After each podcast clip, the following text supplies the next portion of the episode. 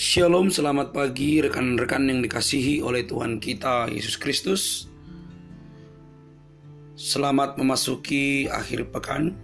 Kiranya Tuhan terus menolong dan memberkati kita. Di pagi hari ini saya mengajak kita untuk merenungkan firman Tuhan sebagai landasan dan dasar hidup sebagai orang percaya topik yang kita pikirkan dan renungkan di pagi hari ini ketika aku takut dan ragu. Ketika aku takut dan ragu dan kita pasti pernah berada di dalam posisi ini, takut dan ragu. Mari kita buka Alkitab kita dari Mazmur 26. Mazmur 26 firman Tuhan berbunyi dari Daud, Berilah keadilan kepadaku ya Tuhan, sebab aku telah hidup dalam ketulusan. Kepada Tuhan aku percaya dengan tidak ragu-ragu. Ujilah aku ya Tuhan, dan cobalah aku. Selidikilah batinku dan hatiku, sebab mataku tertuju pada kasih setiamu, dan aku hidup dalam kebenaranmu. Aku tidak duduk dengan penipu dan dengan orang munafik. Aku tidak bergaul. Aku benci kepada perkumpulan orang yang berbuat jahat dan dengan orang fasik aku tidak duduk. Aku membasuh tanganku tanda tak bersalah lalu ber- mengelilingi mezbahmu ya Tuhan sambil memperdengarkan nyanyian syukur dengan nyaring dan menceritakan segala perbuatanmu yang ajaib. Tuhan, aku cinta rumah kediamanmu, dan pada tempat kemuliaanmu bersemayam. Janganlah mencabut nyawaku bersama-sama orang berdosa, atau hidupku bersama-sama orang penumpah darah. Yang pada tangannya melekat perbuatan mesum, dan yang tangan kanannya menerima suapan tetapi aku ini hidup dalam ketulusan. Bebaskanlah aku. Ya.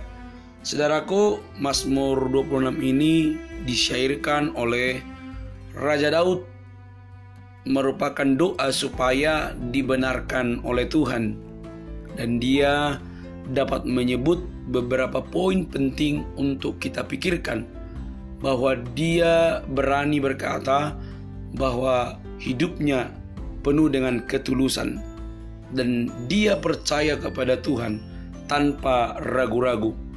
Tetapi walaupun demikian, dia masih berkata, "Ujilah aku ya Tuhan dan cobalah aku, selidikilah batinku dan hatiku, sebab mataku tertuju padamu.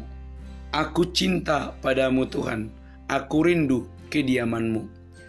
Saudaraku, syair ini harus menjadi bagian hidup kita. Harus menjadi bagian hidup kita. Kita tahu bahwa dunia ini dengan semua tipu muslihat iblis di dalamnya. Itu terus merusak iman kita dengan tuduhan palsu, kritik pedas untuk menghancurkan diri kita. Tetapi yang perlu kita tahu adalah bahwa di tangan Tuhan, di tangan kreatif Tuhan, Dia akan membentuk hidup kita jadi indah untuk memberkati dunia ini.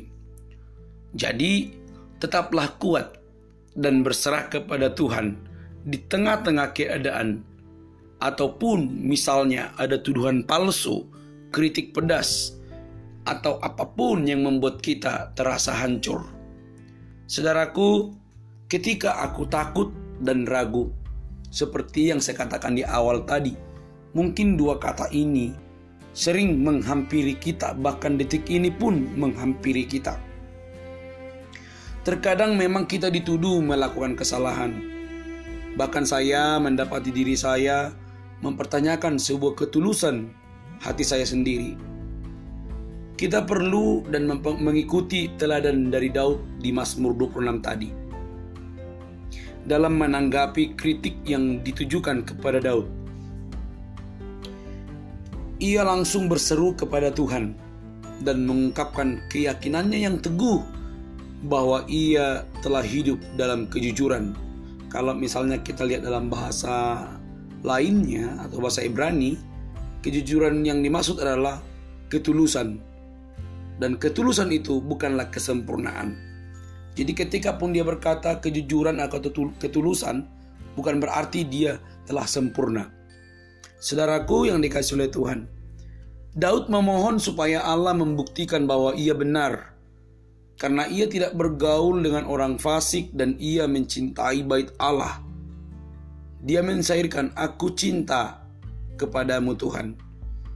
Ia juga memohon agar dihindarkan dari nasib yang menimpa orang berdosa ayat 1 sampai 10. Akhirnya Daud menegaskan kembali keputusannya untuk hidup dalam ketulusan dan dengan rendah hati meminta Allah untuk membebaskan dan mengasihi haninya ayat yang ke-11. Saudaraku yang dikasih oleh Tuhan, apa yang terjadi kemudian?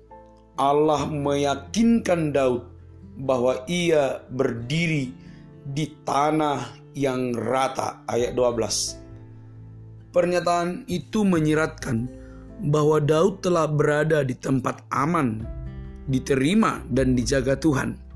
Perhatikan, Daud mengalami kritikan.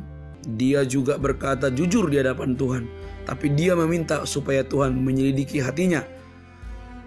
Di ayat 12, setelah dia mengadu, Tuhan menjawabnya, bahwa Daud telah berdiri di tanah yang rata, di tempat aman, diterima dan dijaga Tuhan. Maka Daud menutup mazmurnya dengan perkataan yang penuh keyakinan dan pengharapan. Apa kritik yang tajam dan menyakitkan atau tuduhan yang membuat kita merasa bersalah, membuat kita menjadi takut dan ragu pada diri sendiri?